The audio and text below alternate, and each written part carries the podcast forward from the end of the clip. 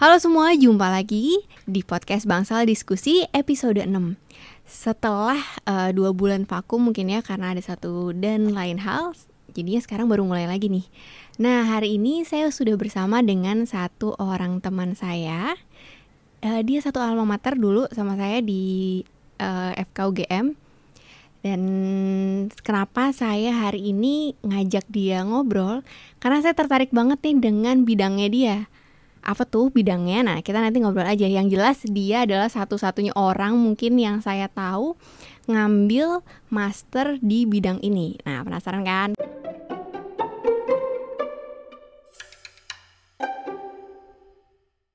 namanya Rifki Bahtiar. Halo. Panggilannya RB. Ya. Masih dipanggil RB sampai masih, sekarang? Masih sampai sekarang. Oke. Okay. silakan perkenalkan diri dulu. Terus uh, sebenarnya ngambil apa sih kan tadi udah ada clue-clue tuh jarang diambil orang bidangnya. nah, coba sekarang jelasin ngambil apa sih? Uh, Oke, okay. nama saya Rifki Bahtiar, biasa dipanggil RB. Satu alma mater sama Laras di FKUGM. Kita cuman beda satu tahun. Yes. No, slash that kita dari SMA sebenarnya oh, temenan. Iya, Laras adalah ketum Nggak ketua SMA gue. Oke, okay, jadi baru kelar ngambil master degree di uh, Sweden dengan jurusannya medical medical nuclide technique atau in populernya nuclear medicine atau okay. kedokteran nuklir gitu. Oke, ini emang jarang banget yang ngambil ini setahu aku. Um, kira-kira penasaran dulu nih, Be. Uh, kenapa sih ngambil itu? Maksudnya hal yang mungkin nggak kepikiran uh, sama orang-orang lain gitu. Uh, jadi gini, awalnya tuh aku waktu sekolah kedokteran karena uh, fokus di kedokteran tentu tentu aja interest di yang lainnya agak terlewat uh, yang paling penting adalah fisika itu aku di kedokteran cuma belajar fisika mungkin kita di fisiologi ya hmm. karena kan itu ada hubungan fisika dan biologi okay. tapi uh, aku hidup dari kecil sampai besar tuh hidup dengan komik-komik dan okay. science fiction dan lain-lain. Terus aku uh, dapet inspirasi untuk belajar tentang nuklir sampai akhirnya uh, baca-baca tentang kedokteran nuklir, which is yang kita jarang banget denger pelajarannya mungkin kalau waktu di UGM kita belajar dari radiologi ya mm-hmm. kalau ininya salah satu terapannya terus tapi ternyata kedokteran nuklir tuh banyak yang lebih menarik gitu akhirnya aku selesai uh, sambil internship waktu itu aku sambil cari-cari uh, di mana ya aku bisa belajar kedokteran nuklir tapi aku pengen fokus di research dulu gitu ya, mm-hmm. belum masuk ke klinis terus aku search ternyata di Swedia salah satu tempat yang pas banget untuk belajar uh, kedokteran nuklir gitu. Dan akhirnya aku apply di sana alhamdulillah diterima terus langsung, abis internship langsung berangkat ke sana. Oke, keren gitu. banget sih. Step yang sangat cepat ya dari internship langsung berangkat master berarti ya. Iya. Oke. B, kalau orang dengar nuklir tuh jangan-jangan yang kebayang Hiroshima Nagasaki. Senjata nuklir ya. Nah, sebenarnya apa sih, B? Uh, nuklir medicine tuh apa? Cakupannya tuh kayak uh, seberapa luas gitu? Oke, okay, iya, itu pertanyaan yang sering banget ditanyain sih sama Pasti. apalagi sama keluarga, sama teman-teman yang dekat di sini kayak ngambil jurusan apa? Dokteran nuklir. Hah? Apaan tuh? Itu gue mau dibom gitu kata atau gue mau diledakin sama lo. Hmm. Enggak, enggak kayak gitu. Jadi kedokteran nuklir tuh kita gunain uh, energi yang paling rendah dari uh, uh, reaksi uh, nuklir ini reaksi radioaktif radioaktif yang energi sangat rendah kita gunain untuk uh, bisa ke imaging bisa untuk terapi juga okay. bisa untuk uh, diagnosis untuk sekarang ini gitu. Ternyata aku pun uh, tentu waktu itu aku nggak tahu banyak hal. Kalau waktu tadi kita kan sempat ngobrol kenapa ngambilin kayak uh, udah ada bayangan belum? Belum ada bayangan ya kayak gimana? Mm. ternyata memang wow tricky seru Mm, nah. okay, okay. Medicine tuh apa sih kalau misalnya didefinisikan uh, secara uh, mudah gitu ya oh. untuk orang awam gitu? Ya, penggunaan em, radioaktif Mhm. untuk kebutuhan medis. Oh, oke. Eh, mungkin singkatnya gitu ya. Kita gitu ya. menggunakan unstable element Mhm. untuk diterapkan pada kedokteran Oh, oke. gitu. Bisa kasih gambaran gak, Be? Em, apakah itu eh, sesuatu yang dimasukkan ke dalam tubuh kemudian kita bisa melihat sesuatu di tubuh kita atau kayak apa tuh, Be? Nah, untuk di imaging kita contohnya kita gunain eh, F18, kita gunain kita gabung eh kita gunain eh, coupling F18 dengan FDG, Mhm. suara eh, deoksiglukos. Nanti aku akan jelasin lebih jelas Oke. what is this gitu, tapi dengan FDG kita bisa ngelihat eh, imaging di otak atau eh, dengan PET scan. PET scan itu Oh, positron oke. emission eh, tomography Ya, mhm, mhm. gitu.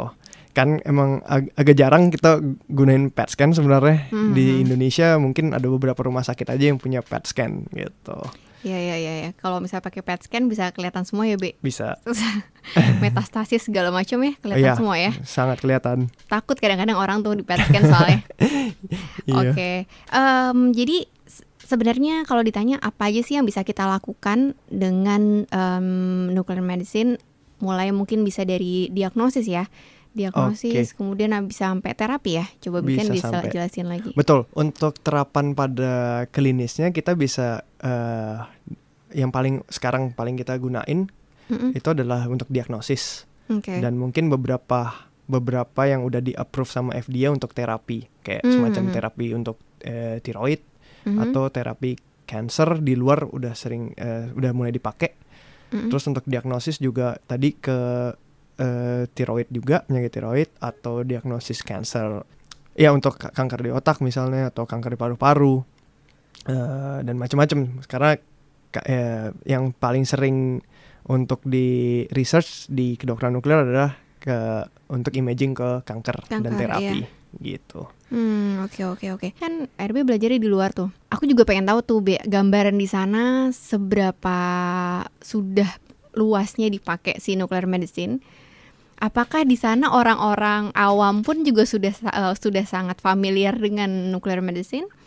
Apakah sama aja nih kayak di Indonesia orang juga belum terlalu tahu dan penggunaannya masih sedikit atau penggunaannya masih banyak di research dibandingkan terapannya gitu? Ah, jadi kalau untuk di Eropa eh, yang paling sering gunain nuclear medicine mungkin Belanda, Mhm. Belanda, Swedia, Denmark. Oke. Dan seka- sekarang baru-baru Belgia kemarin aku lihat baru mulai naik juga penggunaan eh, nuclear medicine. Mhm. Eh, mereka rata-rata kalau eh, kalau yang tadi tanyain publiknya ya, Mm-mm, publik pada publiknya. tahu nggak kalau pasien tentang nuclear medicine? Kalau pengalaman aku di sana ngobrol sama orang, mereka beberapa kali belum tahu sih. Oh, Oke. Tapi penggunaan untuk s- untuk di klinis Hmm. udah cukup banyak di sana. Karena Hmm. memang eh, resource mumpunin dan Iya. eh, semuanya eh, teratur gitu. Dan tapi mungkin ya kalau portion portion klinis sama eh, preklinis research lebih Hmm. banyak di preklinis Hmm, preclinical research gitu dibanding Oke. clinical researchnya. hmm, hmm, hmm, hmm. Nah, kalau misalnya di preclinical research-nya bisa nggak sih dikembangin di Indonesia? Kan alatnya ini kurang nih. Kita tadi ngomong terapan ya, mungkin terapan kita juga udah tahu di Indonesia masih uh, kurang.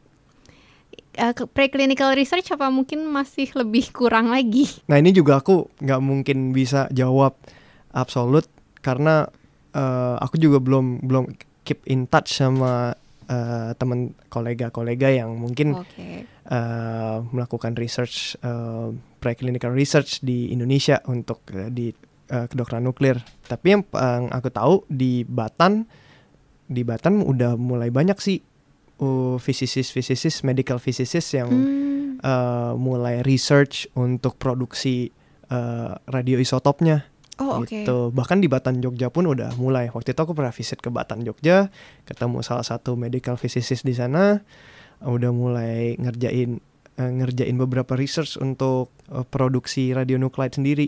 Bahkan aku udah nemuin paper-paper mereka gitu di Oh, uh-uh, di Oke. waktu itu di jurnal reading aku kan. Hmm, tapi- Eh, waktu itu salah satu fisikawan di situ bilang sama aku kayak ya kita tapi kalau porsinya untuk publishing papernya masih jauh banget sama eh, teman-teman yang di Jepang atau di Eropa gitu. Hmm, iya, iya pasti ya.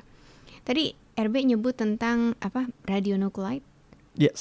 sama isotop. Nah ini kan hal yang apa sih itu mungkin orang-orang belum tahu. Bahkan mungkin teman-teman dokter sendiri eh, belum tahu nih, Be. Mungkin bisa diterangkan. Gampangnya adalah kita pernah belajar tentang elemen-elemen di periodic table ya. Hmm, hmm, hmm. Isotopes itu sebenarnya itu istilah eh, chemistry sih, istilah isti- istilah kimia kalau suatu substansi yang memiliki jumlah proton yang sama tapi beda neutron.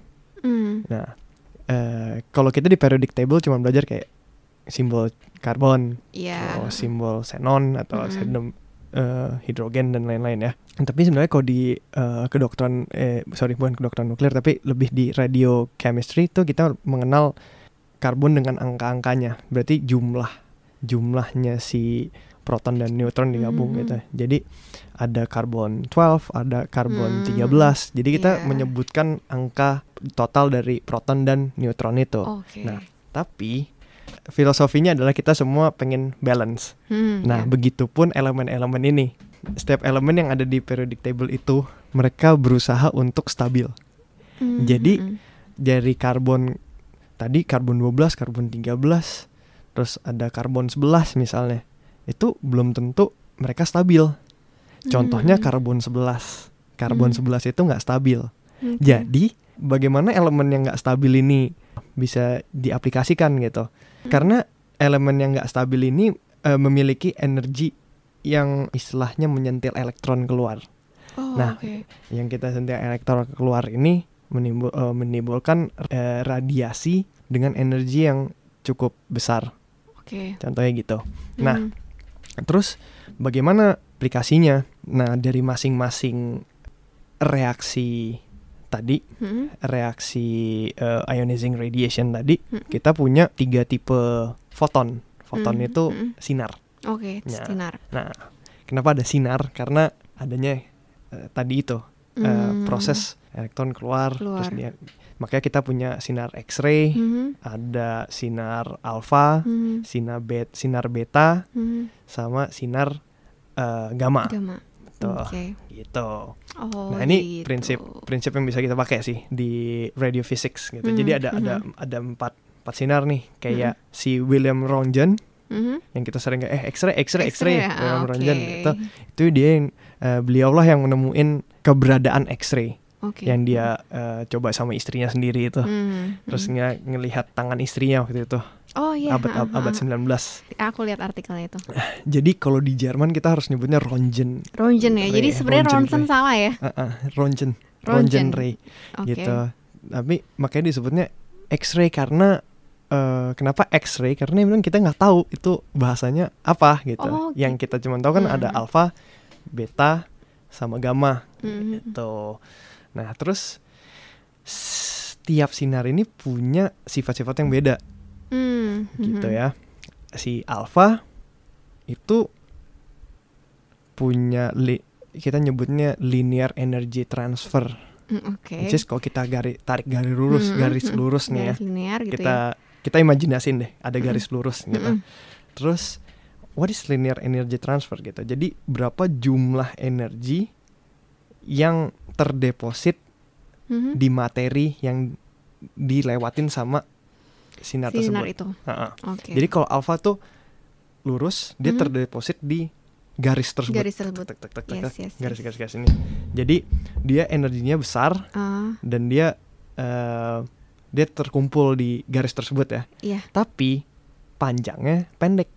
Oh, oke oke. Jadi eh, seberapa jauh nih sinar alfa bisa tereksitasi gitu. Mhm, mhm. Dia pendek, sangat pendek, hitungan milimeter. Hmm.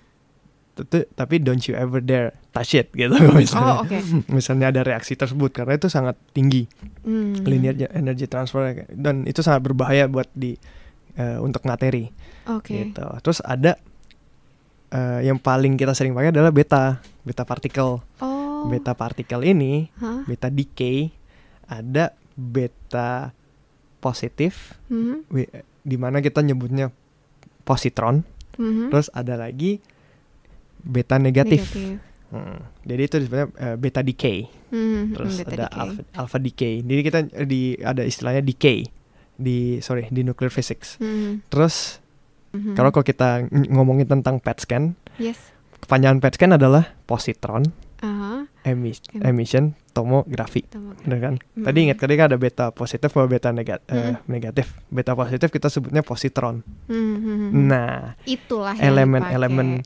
radioaktif. Ha. yang decay mode-nya adalah positron itu yang kita sering pakai buat di eh, PET scan.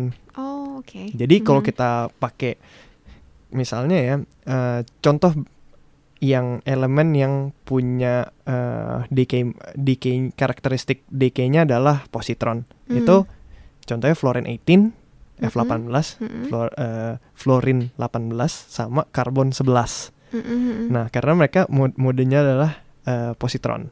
Tadi di kalau kita ada garis imajinasi tuh, Mhm, yang garis lurus, si beta tuh agak keluar-keluar Oke, nggak lurus dari ya dia garis ininya. lurus. Nah, Hmm, dia nggak hmm, nggak hmm. lurus, tapi panjangnya Panjang. lebih panjang daripada alfa Alpha. gitu. Oke. Tapi linear energy eh, transfernya, which is energy depositnya di materi, dia nggak sebesar alfa mhm. gitu. Nah itu sering kita pakai buat di PET scan. Mhm, Nah, walaupun dia ke mana-mana. Jadi Iya, kita iya. harus ngitung juga tuh jaraknya dia seberapa, Hmm. terus eh, seberapa besar energi yang dikeluarin juga, gitu. Terus kalau gamma, Mhm. gamma kalau ada garis lurus, itu bahkan energinya bisa nggak kelihatan dari yang di garis lurus tadi kayak bisa mental, mental, mental, mental ke mana-mana.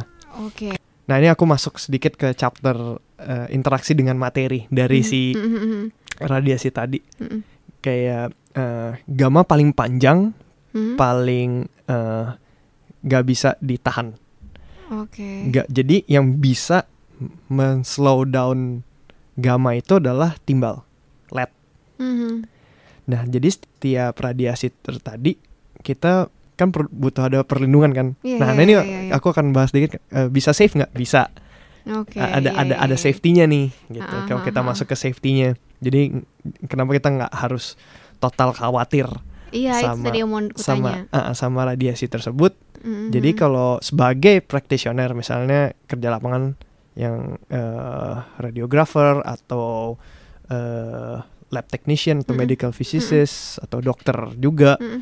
biasanya kita pakai eh, ini kan alat pelindungan. pelindung. Nah itu biasanya lapisannya LED.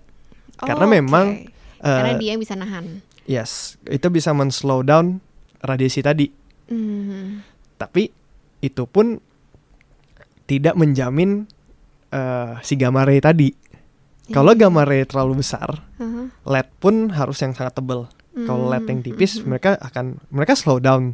Tapi eh kalau kita terlalu lama di situ juga mereka akan nembus. Tembus. Tapi Hmm. kalau beta, beta dan alpha itu kan jaraknya pendek. pendek. Jadi eh, kemungkinan untuk terekspos sama radiasi alpha dan beta tuh dikit sebenarnya Mhm. gitu. Karena eh, kalau aku belajar waktu itu adalah kayak ngelihat eh, aku ada elemen yang decay-nya beta, terus aku tahan pakai plastik pun dia udah turun.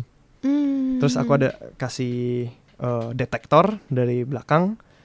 Di sini udah turun kada eh, Mhm. dari eh, detektornya udah turun. Tapi kalau gamma ray Mhm. dia eh, dia start eh, startsnya oh gamma ray-nya ada berapa puluh persen di situ dan energinya berapa kilo elektron volt. Oke, oke. Nah, itu itu bisa kedetek dari detektornya. Hmm. Kecuali aku pakai timbal yang Tebal. ya LED itu yang LED shieldnya cukup tebal Mhm, gitu. mhm. Oke. Eh, Kalau X-ray kita udah tahu nih mm-mm, penggunaannya. Tadi juga eh, RB nyebutin beta Mm-mm. yang di PET scan. mm-mm. Eh, kemudian kalau gamma, Ah, gamma kita eh aku nggak tahu di Indonesia udah kayaknya ada deh gamma kamera. Oh, oke. Ha-ha. sama eh ini spek. Nama single photon emission Oke, aku com- computed tomography. Ha, ha, namanya spek scan. Ha, ha. dan itu eh, itu paling nah sa- salah satu elemen yang paling sering dipakai kayaknya di eh, di di kedokteran eh, sekarang ada pakai technetium 99 pakai eh, ya technetium. Karena dia karakteristiknya adalah gamma paling tinggi nah Hmm. gamma itu kan makanya disebutnya single single photon emission Mm-mm, computed mm-mm, tomography mm-mm. Nah itu eh, kita ngedeteknya dari si radi si gamma radiation tadi, Oh. bukan dari positron. Mhm, Kalau. PET scan kita ngedetect positron gitu. oke oke oke. Iya iya iya iya, iya. Baru tahu nih tentang si gamma, beta dan lain-lain. Berarti intinya adalah yang eh, RB pelajarin tuh tentang si sinar-sinar ini. Nah, ini menarik lagi sih. Itu baru dasarnya Itu sebenarnya. baru dasar. Oke. Jadi itu aku selama dasar. dua tahun kayak aku mati-matian untuk memahamin tentang ini. Makanya aku juga agak agak sedikit stumble untuk definisi ini nih karena aku Iya. berusaha untuk se biar teman-teman juga pada eh, paham dan bisa. Google ke depannya. Mm. Tadi kayak aku hampir keceplosan terus kayak eh, bahasa-bahasa yang kurang dipahamin, gitu. Dipahamin. Iya, Nah, iya, iya. nah ini ini semester satu aku adalah aku ngebahas benar-benar mendalamin tentang eh, radiochemistry, radiophysics sama Oke. eh, radiobiology gitu, nuclear Mm, mm, physics Mm, sama radiobiology mm, mm, mm. gitu. Terus Nah, terus eh, apa yang bisa yang aku pelajarin setelah itu eh, nggak cuma tentang ini sih sebenarnya, tapi aku ngebelajarin tentang gimana si PET scan tadi Ha-ha. eh, secara teknik teknis mereka bisa gimana sih PET scan bekerja? Nah, Oke. detail- gampangnya gitu. Spek bekerja tuh seperti apa gitu. Iya, iya, nah, iya, itu iya. itu itu di bulan ketiga aku belajar tentang itu Hmm, gitu. mm, mm, Gimana mm. caranya PET scan tuh gimana sih cara kerjanya? Eh, Mm-mm. computational methodnya tuh kayak gimana? Oke, Kenapa bisa ngasilin gambar gitu. Hmm, ya ya ya ya ya ya. Jadi Menarik seru ya. Heeh. jadi kita kan bedanya apa sih sama CT scan sama MRI? Iya, Itu iya. kan beda tuh Ha, ha, semuanya. Mm, gitu. Jadi kita eh, itu tergantung kebutuhan. Jadi mm. eh, kalau mungkin kalau waktu kita dulu kuliah ngebahas eh, X-ray itu kita buat ngeliat apa sih? Biasanya kita paling sering ngelihat tulang, tulang. paru-paru, terus kita bisa ngelihat eh, gas atau enggak Ya. semacam itu ya. Kalau terus kalau MRI kita bisa ngelihat jaringan, Mm-mm. lebih ke jaringan lunak, Yes. jaringan ya, Ha-ha. jaringan. Kalau eh, CT scan dia pa- masih pakai X-ray sebenarnya. Iya iya. Mm-mm. Mm. Oh masih iya masih pakai kalau. MRI nggak ada nggak ada Ya. radiation. Kalau dia radio Ha-ha. frekuensi aja Yes. gitu. Nah, terus what is PET scan gitu kan? PET scan buat buat ngeliat apa? Nah, yang paling menarik dari PET scan adalah kita bisa ngelihat live eh, fisiologis dari suatu organ. Hmm, Oke. Kita tinggal ngegabungin radio isotop yang tadi. Nah, ini yang paling menarik. Jadi setiap elemen ini kita bisa gabungin sama apa misalnya kamu mau contoh otak paling suka sama gu- glukos. Mm. Nah, kita eh, dulu dibuat analognya glukos yaitu fluorodeoksiglukos. Hmm, hmm, hmm, Iya. Nah, itu aku eh, kita juga belajar tentang eh, glukos homolog ini si fluorodeoksiglukos kenapa dipakai di Mhm. untuk nge-scan otak gitu. Karena memang ternyata substansi ini menyerupai glukos tapi tidak di eh, metabolisme seperti glukos untuk jaringan gitu. Nah itu aku aku juga belajar di situ Mhm, kayak mhm, fungsi fungsinya. Nah itu di coupling dengan F8 eh, fluorine 18 Mm-mm. disuntikin terus langsung di scan. Oke. Nah, Kondisi apa yang paling butuh glukos? Radang, Ha-ha. i- inflamasi kan? Mhm. Inflamasi, cancer love glucose so much Yes. gitu kan. Kalau cancer jadi kalau ada ada tumor pasti intake glukosnya akan meningkat Mhm, gitu mhm. sama radang. Yes. Nah, jadi kalau saat disuntikin misalnya orang dengan cancer Mm-mm. kita lihat di eh, di scan eh, saat saat disuntikin terus dinyalakan PET scan bisa kelihatan langsung di di komputer kayak ada yang nyala. Mm-mm, Nah, bagian yang nyala itu adalah eh, jaringan tersebut yang mengintake glukos tadi Oke, FDG. itu tadi apa apa aja yang bisa dimasukin selain glu glukos yang Bisa tadi? sama amino misalnya metionin, Oke. bisa terus mungkin monoklonal an- antibody misalnya, Mm-mm, antibody mm-mm. atau kita bisa gunain eh, protein lainnya gitu. Oke, jadi bener-bener em, tergantung apa yang mau kita lihat. Maksudnya, Iya, tergantung. iya kan? Jadi, Mm-mm. jadi ini em, terapinya personalized banget ya. Iya, Maksudnya, jadi diagnosis dan terapi personalized gitu. Jadi kita Hmm, ngelihat iya, dari heeh.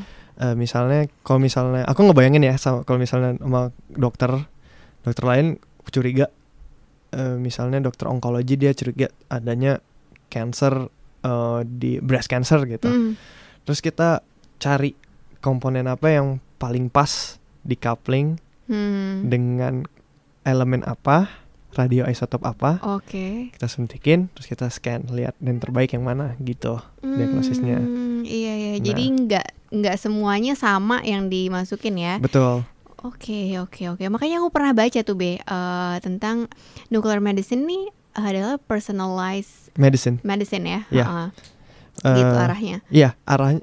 Jadi kalau kita bicara tentang personalized medicine, mungkin eh, molecular imaging sama targeted eh, terapi dari eh, eh, nuclear medicine atau kita nyebutnya bisa radionuclide therapy Mm-mm. itu masuk dari eh, di payungnya si Personalized, Personalized medicine, yes. Oke. karena kita benar-benar ngikutin eh, biological process atau patogenesis dan lain dari penyakit tersebut kan Mm-mm, gitu. mm-mm. yang kayak yang tadi aku bilang kayak misalnya osteosarkoma itu punya ini yang beda kita butuh cari analognya kalsium misalnya karena mm-mm. kalsium paling berhubungan erat dengan tulang the eh, fisiologis tulang kan Oke, jadi oke. kita harus nyari analognya dari kalsium tuh apa gitu. Hmm, Iya iya iya jadi baru-baru kebayang nih. Terus nah eh ini udah punya gambaran nih Be sebenarnya. Mungkin teman-teman juga eh, yang dengerin udah punya gambaran tentang sebenarnya nuclear medicine tuh eh, cakupannya gimana, terus eh, penerapannya gimana dan eh ya mungkin teman-teman yang bukan eh, kedokteran juga udah mul- mulai terbuka lah ya tentang nuclear medicine dari penjelasan RB. Terus kan ada diagnosis, ada terapi. Nah, apakah dia bisa punya eh, peran yang besar juga di terapi? Kalau tadi kan kita melihat imaging ya, Mm-mm. lihat diagnosis untuk di terapi gimana tuh? nah kalau di terapi sebenarnya hampir sama di imaging sih kita Hmm, hmm, eh so far sih research yang paling besar itu tetap di cancer Oke. untuk terapi Hmm, lebih ke arah eh, ngegabungin antara radionuclide terapi sama contohnya imunoterapi Oh iya. kan yang paling lagi besar sekarang di cancer adalah imunoterapi ya Hmm, hmm, tapi gimana caranya kita bisa nge nge-track seberapa precise imunoterapi itu istilah kita pengen lihat eh, gimana ya caranya ngelihat substance E ini ber- eh, berada di tubuh hmm, berapa oke. lama dia tinggal di situ berapa Mhm. lama eh, kita bicara tentang farmakokinetiknya kita mau ngukur farmakokinetiknya Hmm, kita kita kita bisa ngelihat tuh dari dari PET scan kayak oh dia ternyata berapa hari di situ kurang Oke, bagus. jadi kayak evaluation dari terapi yang kita uh, berikan Bisa. kepada pasien ya. that's eh, itu opsi satu terus opsi dua bisa juga misalnya kayak tadi ada alpha alpha Hmm, hmm. Eh, I love alpha particle karena alpha particle tuh udah pendek dan deliver energi yang sangat besar Yes. misalnya kok aku combine sama se- mungkin salah satu hmm, salah satu monoklonal antibody atau Mm-mm. imunoterapi itu Mm-mm. dia punya spesifik re- eh, target reseptor di Mm-mm. cancer Mm-mm. terus digabungin dengan satu radioisotop yang meng mentransmit itu Mm-mm. eh, alpha alpha particle Mm-mm.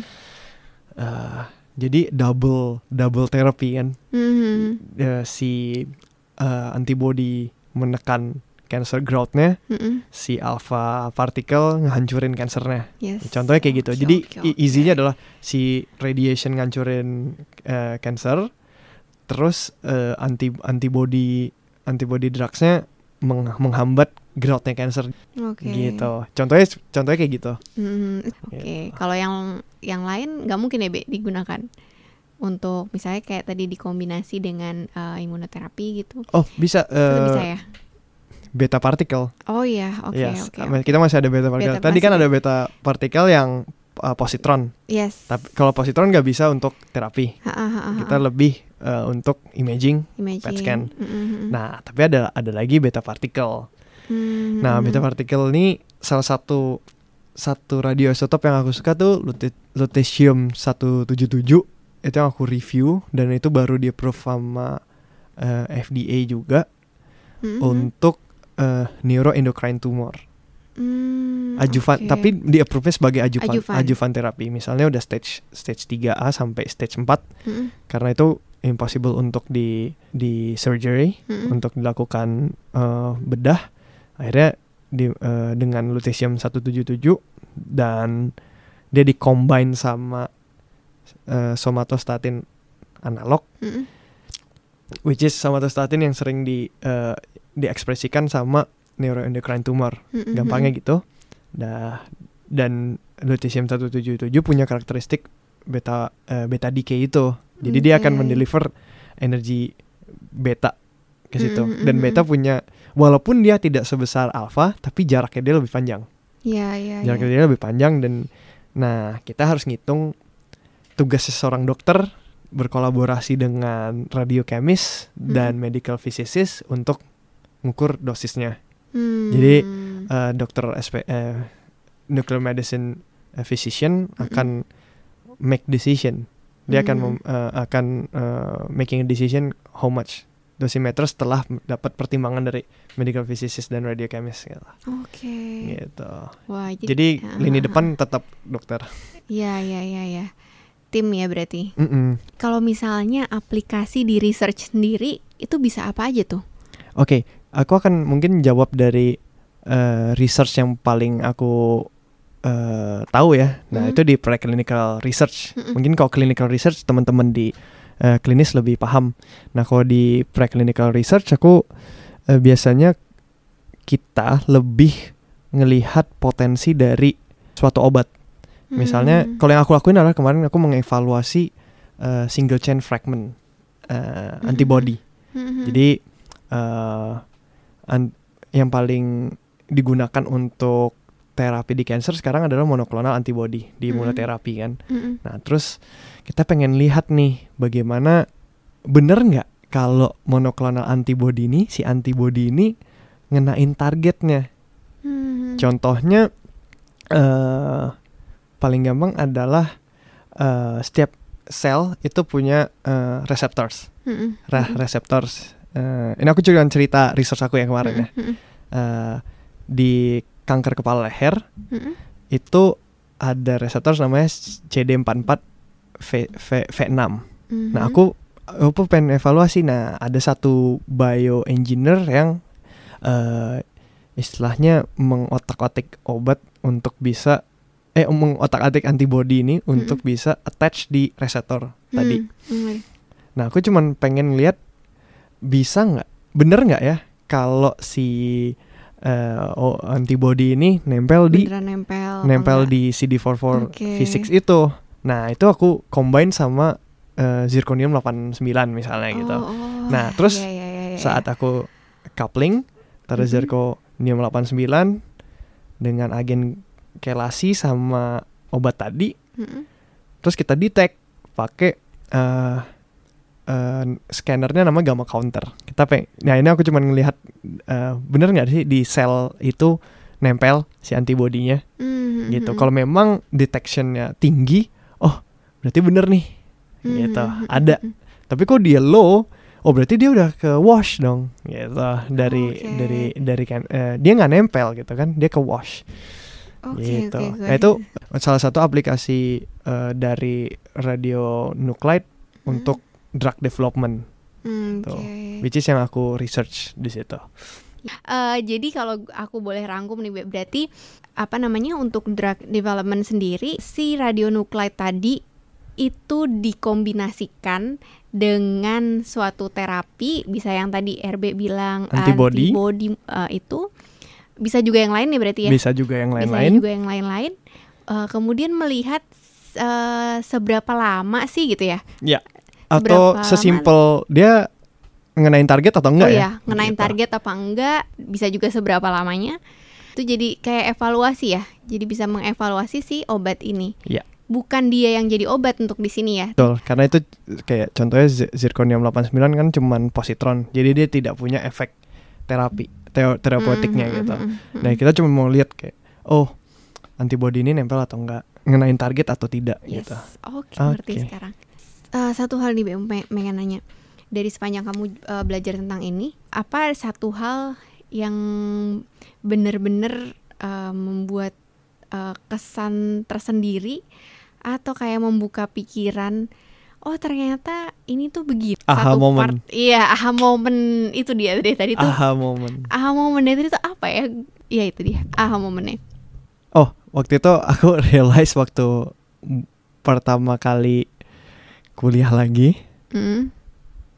aku ternyata masih belajar dangkal banget gitu karena karena itu aha momennya kayak ternyata kayak wow ada ternyata teman-teman di kimia di fisika mereka punya punya knowledge yang oh, luar biasa Luar juga gitu biasa. kayak bener-bener oke mereka nggak ngomongin tentang eh, medis or apa gitu tapi kalau kita pengen paham tentang sesuatu mereka mungkin bisa lebih lebih jelasin lebih dalam daripada kita gitu kan Mhm. Karena- nggak tahu las ini aku doang atau kamu juga Mhm.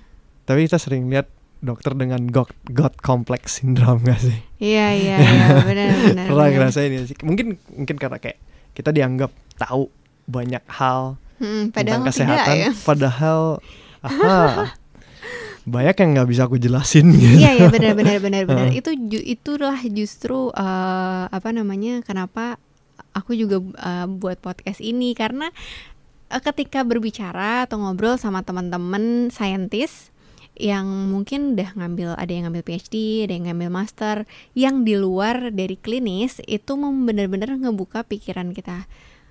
Karena banyak banget hal yang kita nggak tahu gitu. betul Oke, satu eh, pertanyaan terakhir nih, Be. Kalau misalnya RB disuruh memprediksi gitu ya, masa depan eh, nuclear medicine atau nuclear medicine nih baik eh, researchnya ya, di researchnya dan di klinisnya ya, kombinasi dua itu eh, masa depannya bagaimana tuh nantinya? Apakah dia akan punya peran yang besar terhadap eh, penanganan dari ber- berbagai macam penyakit?